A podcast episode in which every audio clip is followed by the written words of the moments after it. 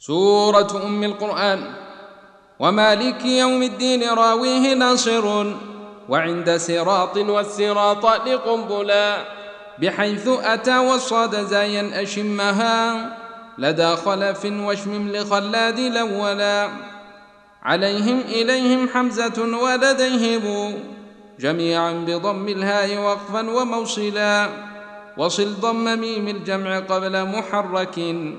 دراكا وقالون بتخييره جلا. ومن قبل همز القطع صلها لورشهم وأسكنها الباقون بعد لتكملا.